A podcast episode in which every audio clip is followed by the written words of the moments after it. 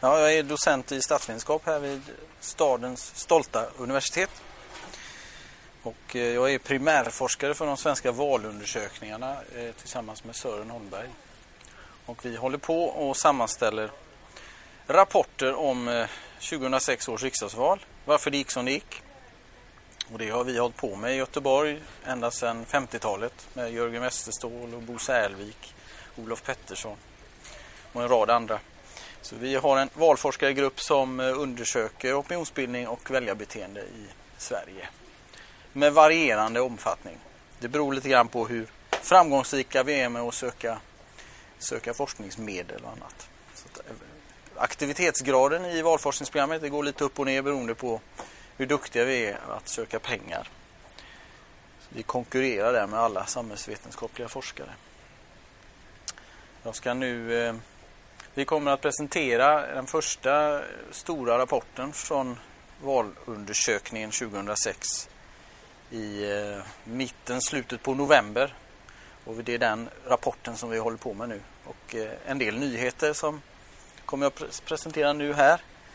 Det är ju arbete som pågår.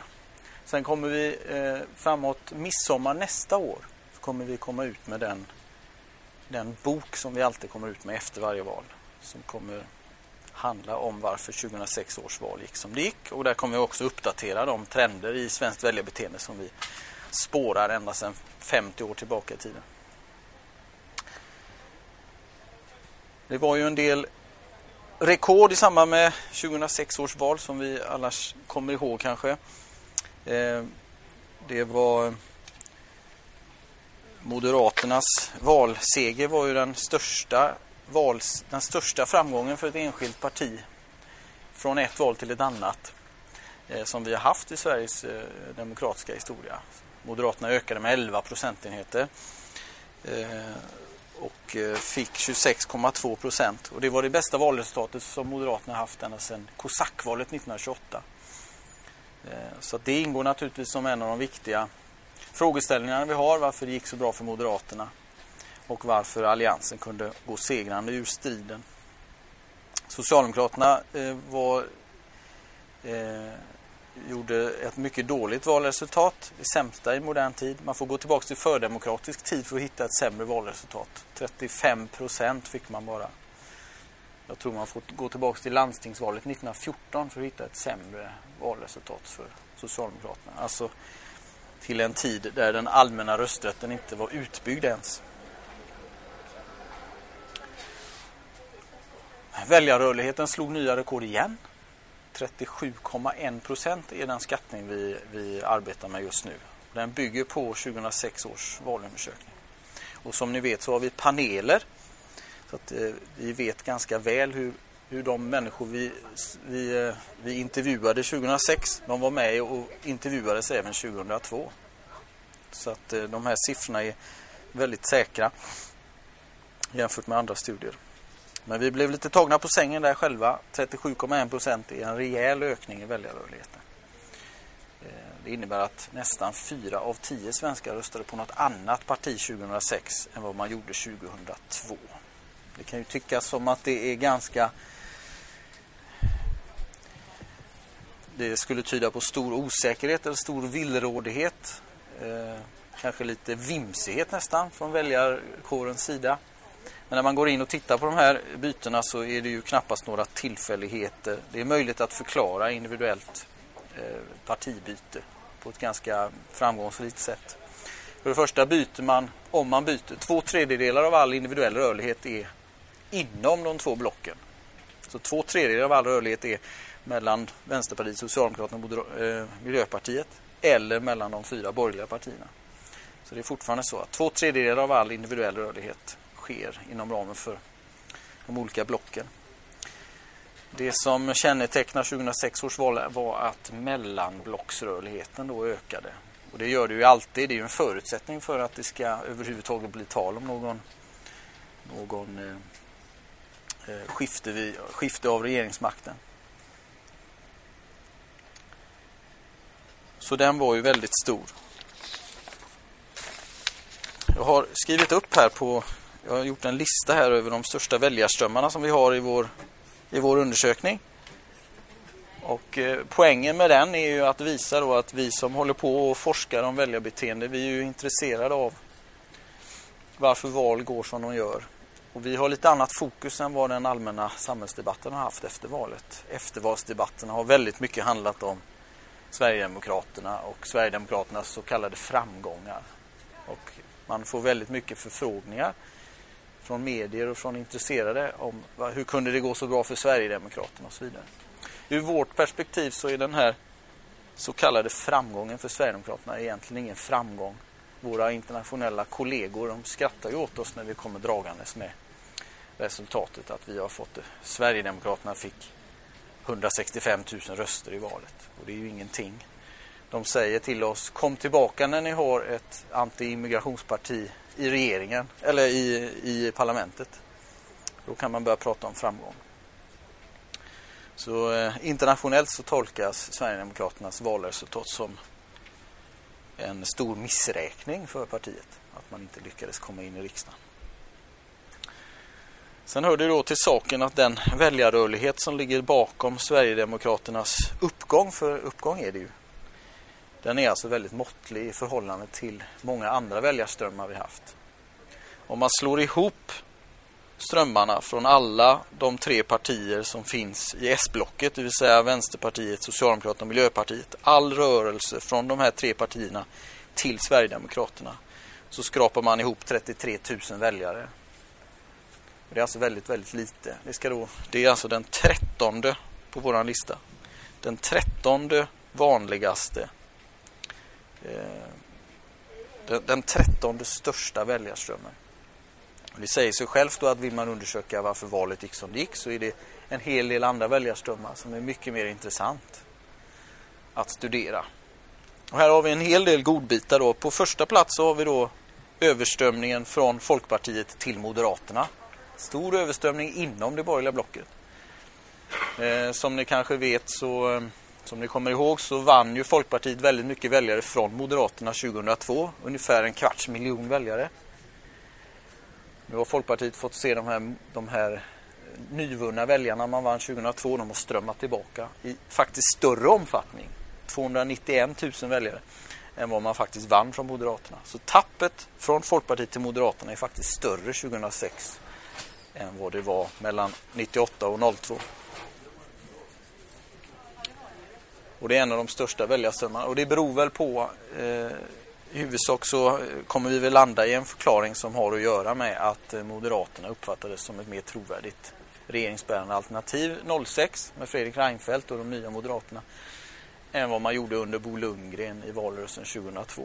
Då eh, gav väljarna väldigt hård kritik till Moderaternas ensidiga profilering på skattepolitikens område.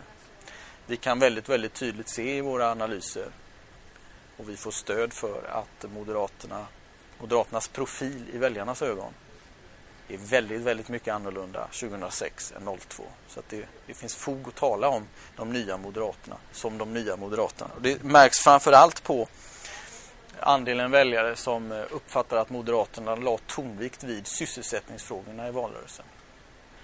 Här är man uppe på väldigt stora, höga nivåer. I 2002 års val var det ingen väljare, knappt som uppfattade att Moderaterna hade någon politik på sysselsättnings, eh, sysselsättningspolitikens område.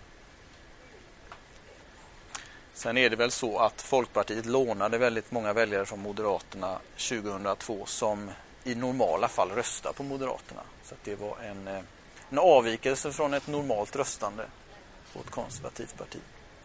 Det är nog så man får förstå Folkpartiets framgångar 02. Den näst största väljarströmmen i den här listan det är strömmen som gick direkt från Socialdemokraterna till Moderaterna. Alltså en överströmning mellan de två huvudsakliga regeringsalternativen som stod mot varandra.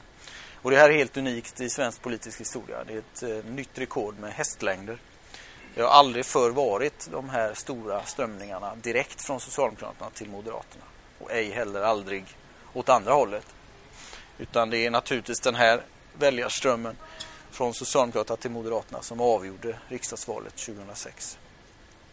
Som ni vet så var det en rätt knapp seger ändå. Avståndet mellan B-blocket och S-blocket, om man slår ihop dem, Det blev bara 2,1 procentenheter. Och eh, med en liten annan valrörelse, med en liten annan agenda så hade Socialdemokraterna kanske klarat att eh, hålla sig kvar vid makten. Så lite skilde det. Det måste man komma ihåg. Och då är det naturligtvis de här 165 000 väljarna som strömmade direkt från Socialdemokraterna till Moderaterna som vi måste se, se närmare på. Och det har vi ju naturligtvis gjort. Mer om det om en liten stund. Den tredje väljarströmmen, den tredje största väljarströmmen mellan 02 och 06, det är från soffan till Moderaterna. Det är också helt unikt att ett konservativt parti som Moderaterna lyckas mobilisera icke-röstarna, det vill säga de som låg på soffan 2002. Det blev ju ett mobiliseringsval mot alla odds, mot alla spekulationer på förhand. Mot bakgrund av sjunkande valdeltagande och eh, ökat, eh, minskat förtroende för politiker och så vidare.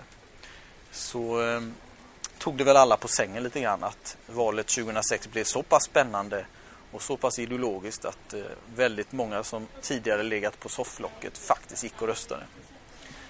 Och det här är ingen liten väljarström, det handlar om 106 000 väljare som gick från soffan till Moderaterna eh, 2006.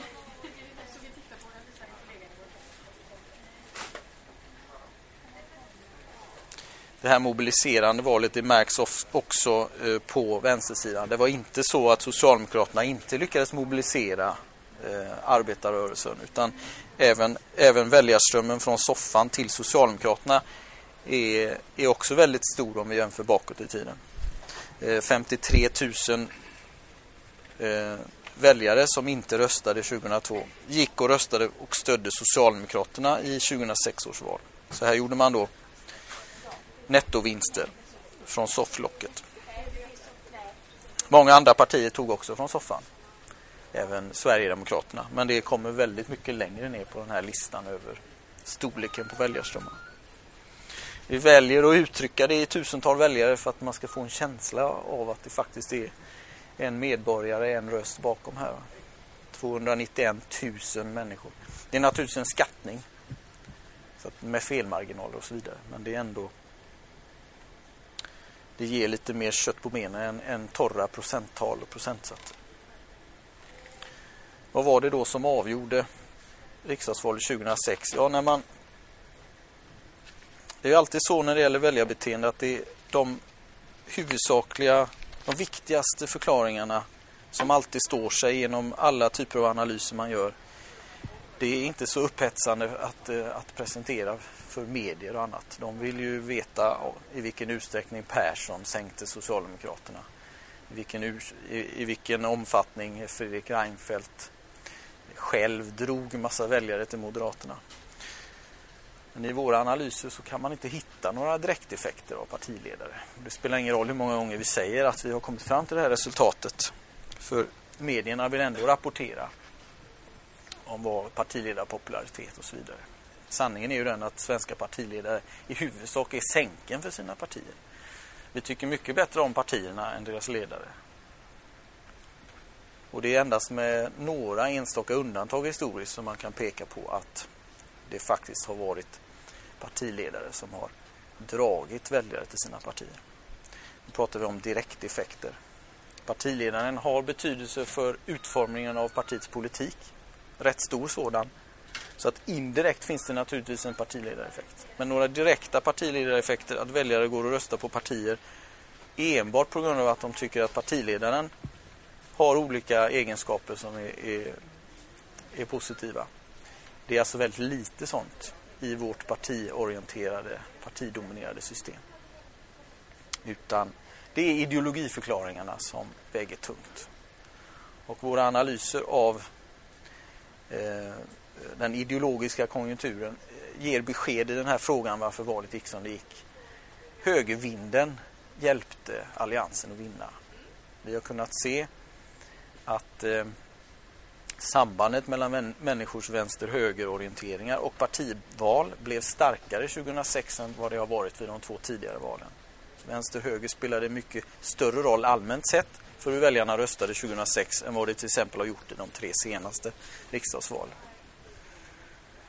Sen kan vi se att i de grupper där riksdagsvalet avgjordes. Det är i huvudsak bland människor som står i mitten i politiken. Och huvuddelen av den här, de här 165 000 som strömmade direkt från Socialdemokraterna till Moderaterna är eh, mittenväljare som ideologiskt placerar sig i mitten. Och huvudanledningen till den här överströmningen är att dels har det skett en högervind. Det har blåst en högervind i hela valmanskåren men framförallt bland de människor som lämnade Socialdemokraterna för Moderaterna. Och det här kan vi se på punkt efter punkt, i sakfråga efter sakfråga. Eh, att människor som lämnar Socialdemokraterna för Moderaterna gör det av sakpolitiska skäl. Sakfrågeåsikter styr. Och då är det inte vilka sakfrågeåsikter som helst utan det är sakfrågeåsikter som har just med vänster och höger att göra. Och vänster och höger, mycket utskälld för att, den, att denna ideologiska dimension skulle vara passé i svensk politik. Men vi, eh, enligt våra analyser som vi håller på med just nu, så lever vänster och högerdimensionen i all välmåga. Den har stärkts och eh, den kan bättre än några andra åsiktsdimensioner förklara varför de här överströmningarna direkt från Socialdemokraterna till Moderaterna blev så stora som de blev. Sen är det helt tydligt så att de nya Moderaterna uppfattas stå längre till vänster eh, än vad de tidigare har gjort. Moderaterna, i alla väljares ögon så står Moderaterna längre till vänster i politiken 2006 än vad de någonsin har gjort. Samtidigt har vi ett nytt rekord i andelen väljare som själva placerar sig till höger i politiken. Det har aldrig varit så många i eh, valundersökningens 50-åriga tidsserie. Det har aldrig varit så många väljare som har placerat sig själva ideologiskt till höger om mitten. Och eh, proportionerna, andelen högerväljare mot andelen vänsterväljare, påminner om läget 1968 fast då var det ju tvärtom. Så det är lika mycket högervind idag som det var vänstervind 1968 enligt våra eh, preliminära siffror. Så det är intressant att tänka på. Det talas inte så mycket om, sånt, om detta i eh, svensk politik idag. Så det är väl där, hur ligger jag till i tiden? Jag tänkte släppa in frågor efter detta. Eh, men det är huvud, huvudförklaringen till att Alliansen vann bör sökas är de största, de starkaste förklaringarna från vårt vetenskapliga perspektiv är att människors ideologier och ideologiska orienteringar avgjorde den här gången. Och det är en samtidig rörelse. Opinionen har gått till höger. Moderaterna som vann 11 procentenheter har gått till vänster. Så väljarna och Moderaterna har lite grann gått varandra till mötes på denna ytterst betydelsefulla eh, åsiktsdimension.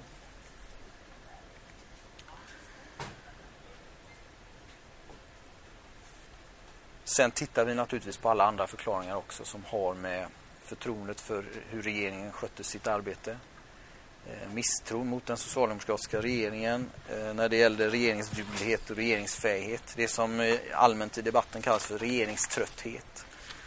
Vi har sett i våra analyser att det är många väljare som just nämner regeringströtthet som ett skäl att lämna Socialdemokraterna. Så det, det är väl aldrig så att det är en förklaring som, som förklarar allting. Men när man tittar på de här väljarströmmarna och tittar på hur mönstren ser ut så är fortfarande alltjämt i våra studier eh, trots eh, individualisering och personifiering och presidentialisering och allt vad du vill så är det fortfarande eh, människors ideologiska hållningar som är de viktigaste och starkaste förklaringsfaktorerna. Och det här kan man då det här får ju då konsekvenser för hur till exempel Socialdemokraterna ska tänka nu då när de vill vinna tillbaka regeringsmakten 2010. Hur ska man vända den här väljarströmmen så att man får tillbaka många av de här tidigare S-väljarna som står i mitten. Vända den här strömmen så att de här strömmar tillbaka igen till Socialdemokraterna. Vi vet sedan tidigare att det ofta är pendelrörelser. Att det är väldigt sannolikt att många av de väljare som gick direkt till Moderaterna från Socialdemokraterna, att de faktiskt vänder tillbaka. Eh, av någon anledning brukar det vara så. Hur ska man då göra strategiskt? Hur ska man positionera sig i vänster-höger-frågor för att vinna tillbaka dem? För det är där man kan orsaka... Det, Det är genom att manövrera till sig nya positioner i vänster-höger-frågor som har med eh, saker som att bedriva sjukvård i privat regi, eh, saker som har med arbetsmarknadspolitik, ekonomi, sysselsättning att göra. Eh, och välfärdsfrågor naturligtvis. Det är i sådana frågor man kan åstadkomma den här typen av förskjutningar av den magnitud som behövs för att återvinna regeringsmakten. Och det är väl det Mona Sahlin funderar på här nu. Ska vi, ska vi formera ett gemensamt vänsteralternativ som väl kanske i praktiken innebär att Socialdemokraterna går till vänster för att göra Miljöpartiet och Vänsterpartiet eh, glada och formera ett tydligt vänsteralternativ. Eller ska man försöka gå åt höger snarare, positionera sig ideologiskt till hö längre och högerut för att vinna tillbaks de här viktiga mittenväljarna.